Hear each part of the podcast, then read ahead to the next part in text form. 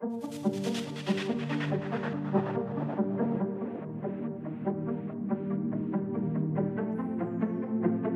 säger jag välkommen till Professorpodden. Här kommer du att möta några av de nyaste professorerna på Högskolan Väst. Och jag som leder samtalet heter Anna Hallberg. Eh, med rötterna som pedagog inom fritidshem och förskola brinner han för att utveckla lärarutbildningen. Så välkommen Jan Gustafsson Nyckel, professor i utbildningsvetenskap. Mm, tack. Roligt att ha dig här, får jag säga till att börja med. Ja, det är spännande för mig också. Ja, är det första gången med podd eller? Det är första gången med podd. Ja, kul. Det är ett kul. nytt format. Ja, ja. Men eh, hoppas att du mår bra i Ja. situationen. Tror jag säkert. Eh, jag försökte ju ringa in dig lite där. Eh, så jag tänkte att vi går lite bakåt först. Eh, eh, och pratar om det här med dina rötter i, som pedagog. Förresten, hur var du själv i skolan som elev tror du? Var du lätt att ha att göra med? Tror att jag var förhållandevis lätt att ha att göra med. I alla fall det är min bild av det. Så. ja, ja. Eh, och den kanske... Tyckte du om skolan?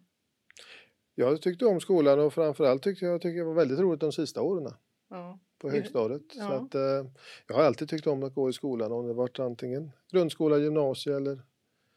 Så det har legat... Eh, det har varit, varit lätt att gå till Mm. skolan. Mm, härligt. Var du den flitiga eleven? Ja, jag gjorde det jag, det jag måste göra. Sen tror jag att jag hade lite lätt för mig kanske. Mm. Så att eh, det fanns tid för fritid också. Gött. Eh, om vi går tillbaka då till rötterna. Utbilda lärare, förskola och fritidshem. Hur kom det sig att du valde det spåret då? Eh, när du skulle fundera över vilket yrke och vad du skulle jobba med. Det är nog både en tillfällighet, Mm. eh, att man hamnade på det spåret. Jag är uppväxt i en eh, lärarfamilj där min pappa har varit yrkeslärare och hållit på med utbildning och barn och ungdomar hela sitt liv om man säger så. Och jag själv var intresserad av och hade rört mig i sådana miljöer så att jag tror att det var det som... eh, Det fanns runt omkring Det, det, fanns, det fanns en, en öppning åt det hållet. Mm. Mm. Det var en naturlig miljö för dig. Ja, jag tror att har, så här i efterhand kan jag se det så. Mm. Mm. Valde du på många olika eh, inriktningar så eller var det? Jag har varit mot idrott eller kanske mer mot fritid. Så jag har varit i den, eh, det, i den kan man säga, spektrat. Mm.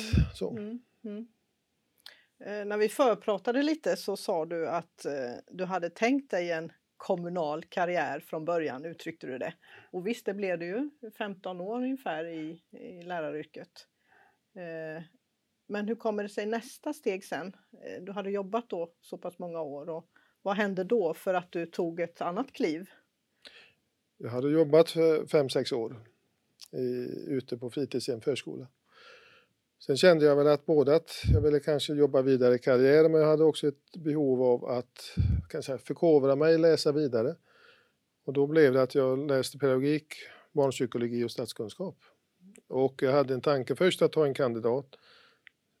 Sen såg jag att kanske inte det räckte och så väcker tanken om att ta en magisterexamen. Eh, och under den resan så, så föds nog tanken om att det kanske skulle kunna gå att fortsätta inom akademin. Och eh, jag tror att det är viktigt.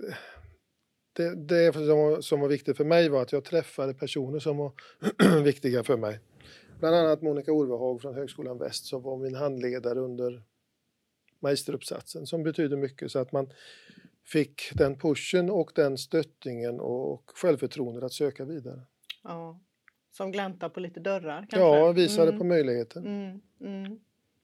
Att det är viktigt med de här Ja, man ser man tillbaka så, man, så ser man att man har förhoppningsvis träffat viktiga personer under sin livsresa. Monica var en av dem, Arvid var en annan som jag träffade under den här tiden. De två ihop gjorde att jag vågade ta det steget. Mm. Så först blev du magister. Och då sök, på den uppsatsen så sökte jag in till forskarutbildningen. Mm. Mm. Var det ganska direkt i anslutning? Där, det var, det var alldeles direkt och eh, det var ingenting jag trodde att jag skulle komma in på för det var det de sa till mig men jag kom in på forskarutbildningen. Var du inne på ett ämnesspår då redan i din magister som du fortsätter med då? Jag, trodde, Eh, jag valde ett annat spår initialt Mm. men kom tillbaka till, den, eh, till det spåret ungefär och utvecklade det spåret som jag hade skrivit min magister på kan man säga. Mm. Mm.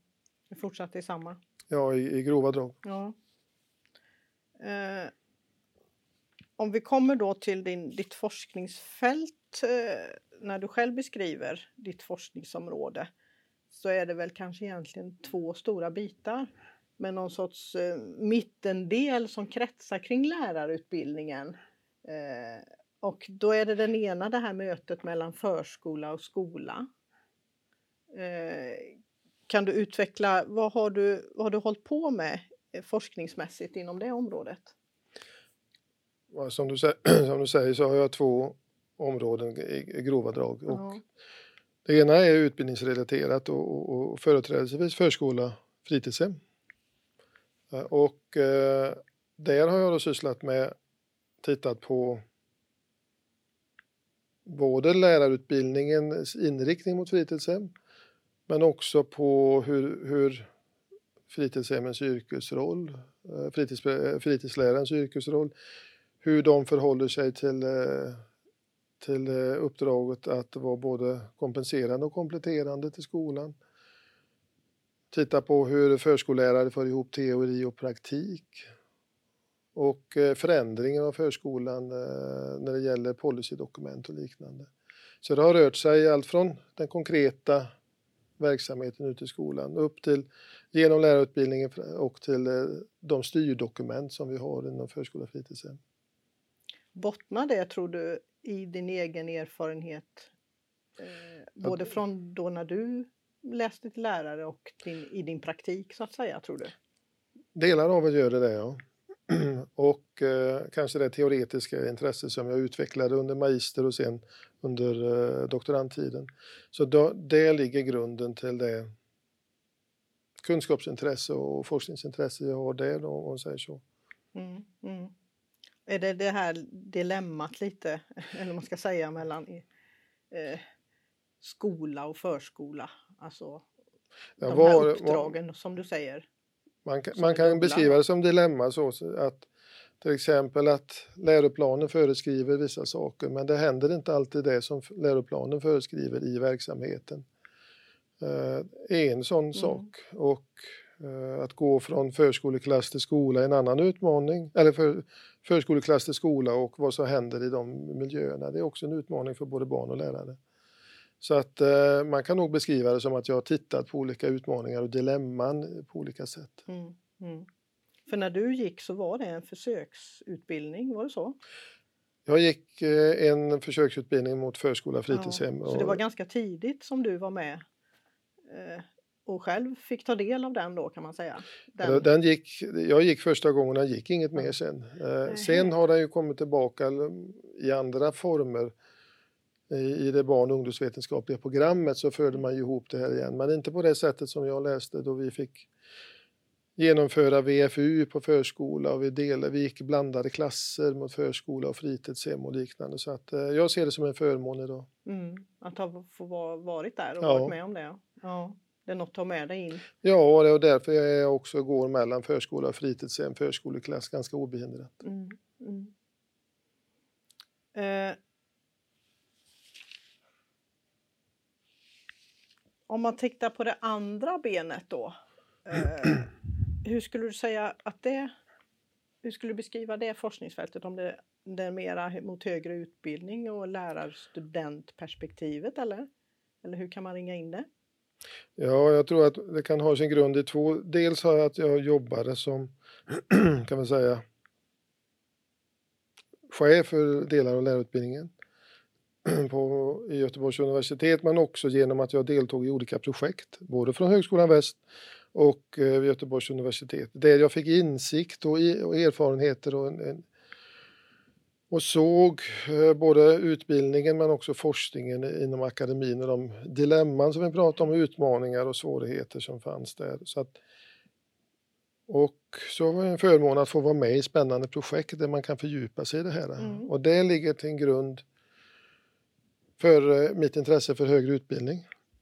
Och sen har det, tror jag nog, genom min professionsbakgrund, mina erfarenheter som att vara, jobba som chef för lärarutbildning i olika former och forskning om högre utbildning, så har det kanaliserats in också så att det har undan för undan styrt in mot att jag har starkt intresse för lärarutbildningen. Kan du ge något exempel på projekt forskningsmässigt eh, som åskådliggör det här? Ja, ett, ett, ett sånt tydligt e- exempel som växte fram medan jag var studierektor för förskollärare och fritidslärarutbildningen var ju att vi startade en försöksutbildning med barnskötare som utbildar sig till förskollärare och var på sin förskola hela tiden. De var bara inne väldigt korta perioder i, på campus på universitetet. Och då blev vi intresserade av eh, jag och Per-Olof Tång och Rolf Lander som då är professorer där i Göteborg och titta på hur får de här studenterna, hur ser relationen ut för dem mellan teori och praktik? Och det har jag också tagit med mig in på ett arbetsintegrerat lärande till exempel. Och det var 200 studenter som vi tittade på över tid. Hur de fick ihop det här eller om de inte fick ihop det. Eh, så det var ett sådant konkret exempel. Högre utbildning, lärarstudenter, lärarutbildning, teori och praktik. Och uh, då det är en fundamental grej inom lärarutbildning och all professionsutbildning. Mm. Mm. Just de här samarbetet, teori och praktik. Ja. Vad, kan du säga något om resultatet eller vad, fick, vad, vad såg ni? Initialt i utbildningen så var det att är man ute på sin arbetsplats och så löser det den dikotomi som finns. Vad är dikotomi? Delningen mellan att vi ser dem som två olika saker. Mm. Eh, så enkelt var det inte att det, att det här var så lätt att få ihop för studenterna. Så att eh, ungefär 20 procent av studenterna lyckades med att få ihop det här på ett bra sätt.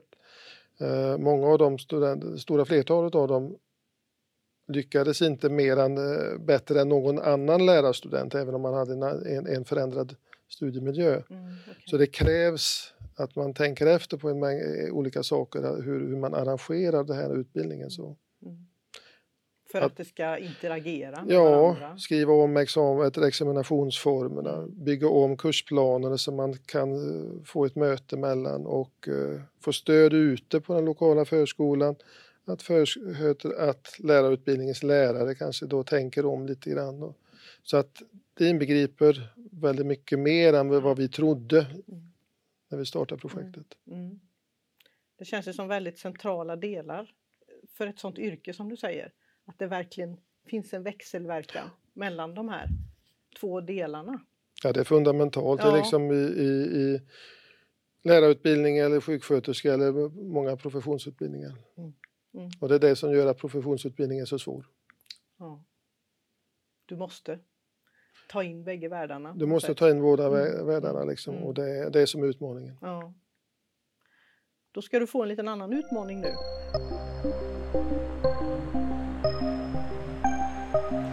jag ska sticka emellan bara med några lite mer personliga frågor och se om du kan eh, avsluta några meningar för mig. Eh, om jag inte var forskare skulle jag?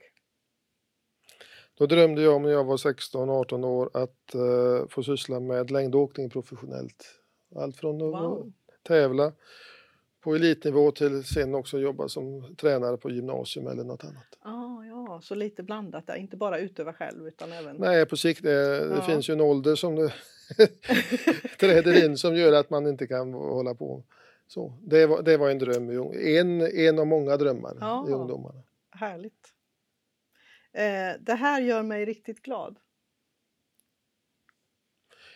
Det som gör mig riktigt det är barn och barnbarn exempelvis. Mm.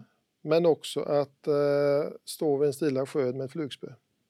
Och det lät njutningsbart faktiskt, även om jag inte fiskar. Eh, efter jobbet brukar jag?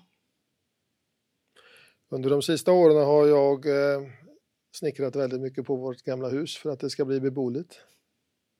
Mm. Lite, vad ska jag säga, själv... Att det nästan måste fast det är roligt Ja, också då. ja. antar jag. Mm. Mm. Eh, slutligen, om min familj skulle beskriva mig skulle de säga att Jag jobbar mycket. Ja, de får dra dig lite då så här. Nu får du släppa det där. Kom Ja, nu. ja. ja. Men det är ju en bra egenskap som forskare tror jag i och för sig. Jag tror ju då att den kanske är nödvändig i vissa Ja. fall. Sen är den väl inte ide- idealisk alla gånger. Nej, Av andra aspekter. Nej. Men just för forskaryrket tror jag. Att det Jo, det är en med nödvändighet. nödvändighet Ja. att vara sådär idog och envis. Ja, vi går tillbaka lite grann då. Eh, när vi pratades vid innan så fastnade jag för att du sa att eh, Eh, alltså det som driver dig ändå är att bidra till det lokala klassrummets utveckling. Det tycker jag är väldigt fint, liksom. Att man ser att du vill att din forskning ska komma till användning kan man väl säga. Man kan väl säga så att, att skriva en, en avhandling eller skriva artiklar, de läses ju bara om de närmast sörjande om man ska vara stygg. Och de, det är få texter som ge, gör skillnad. Och i det, det ljuset av det som man kan börja fundera på vad ska vi göra med den erfarenhet och de kunskaper jag har, hur kan jag då göra skillnad och bidra till ett bättre samhälle, till att, att faktiskt eh, barn och ungdomar kan eh, göra och tillägna att göra en eh, utbildningsresa och tillägna sig kunskaper och liknande. Mm. Och, och då jag funderat på att faktiskt det ska kännas meningsfullt att gå till skolan. Det är många barn som inte gör det idag. Och att man när man är i klassrummet, att man faktiskt är medlem i klassen, att man är en fullvärdig deltagare. Och det är först då som jag också kan börja tillägna mig kunskaper. Mm. Och eh, kan jag bidra till att, liksom, att barn och ungdomar faktiskt tycker det är roligt att gå till skolan, att det är en spännande verksamhet och eh, att de kan göra den resan som jag fick starta en gång i tiden. Eh, jag tyckte det var roligt att gå till skolan och läsa böcker och, och liknande. Mm. Kan jag bara dra ett strå till stacken i det så är, är det guld värt. Mm. Mm. Och jag vet ju att du håller på nu med alltså det här relationen som du säger också med praktiknära forskning. Eh, du driver det mycket på högskolan eh, i flera olika projekt. Eh, och det är också Alltså hur, hur kan man få det här att bli verklighet, det som du forskar om? Har du någon, alltså ni jobbar bland annat med, läste jag om de här forskningscirklarna till exempel tillsammans med lärare. Är det ett, sätt? Ett, ett, en grundtanke där vi, man pratar om praktiknära forskning eller praktikutvecklande forskning är att det är inte jag som forskare som ska komma och tala om att nu måste du utveckla det här utan de ska vara drivna utifrån klassrummet och lärarens och, e-, och, och eh, barnelevernas tankar och behov och liknande. Och I det mötet så kan man också jobba med forskningscirklar som är en avancerad form av studiecirkel där man kan jobba över tid för att utveckla den lokala praktiken. Mm. mm. Och jag vet ju också att du är, alltså det går ju, du var ju inne på det själv, det här eh, både praktiknära synsättet men också kopplingen teori-praktik som ligger så nära eh, Högskolan Västs profil med arbetsintegrerat lärande. Så där är du ju också gärna eh, nämna lite kring hur du är med och utvecklar det arbetet. Både som eh, på lärarutbildningen Mm. på institutionen så driver vi ett utvecklingsarbete med att eh, jobba ganska intensivt med eh, att eh, jobba fram, som jag beskriver, arbetsintegrerat lärande i ny tid. Där vi då försöker utveckla och eh, nyansera på olika sätt eh, begreppet arbetsintegrerat lärande till att bli en kraftfull professionskunskap eller en möjlighet för att utveckla den.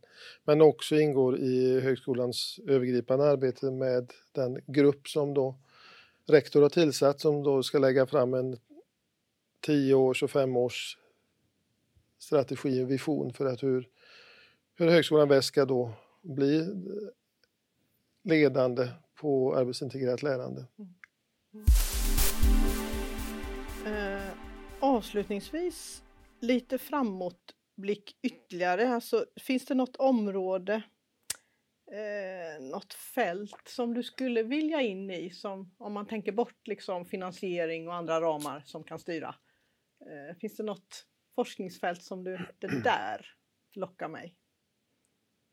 Vi pratar mycket om det i både den här gruppen som jobbar med högskolans övergripande men också på lärarutbildningen. Att vi jobbar i ett område som har väldigt stora utmaningar. Läraryrket menar du? Eller menar Läraryrket du... är en, lär, vi utbildar lärare som ska jobba ute i Dalsland eller i Trollhättan eller Bohuslän och liknande som har stora utmaningar när det gäller I sin vardag. i sin Mm. vardag. Och eh, kan vi då både i lärarutbildningen och i forskningen bidra till att faktiskt eh, utveckla och kanske då förändra, förbättra det som vi sker att skapa en både hållbar och likvärdig utbildning för eh, barn och ungdomar.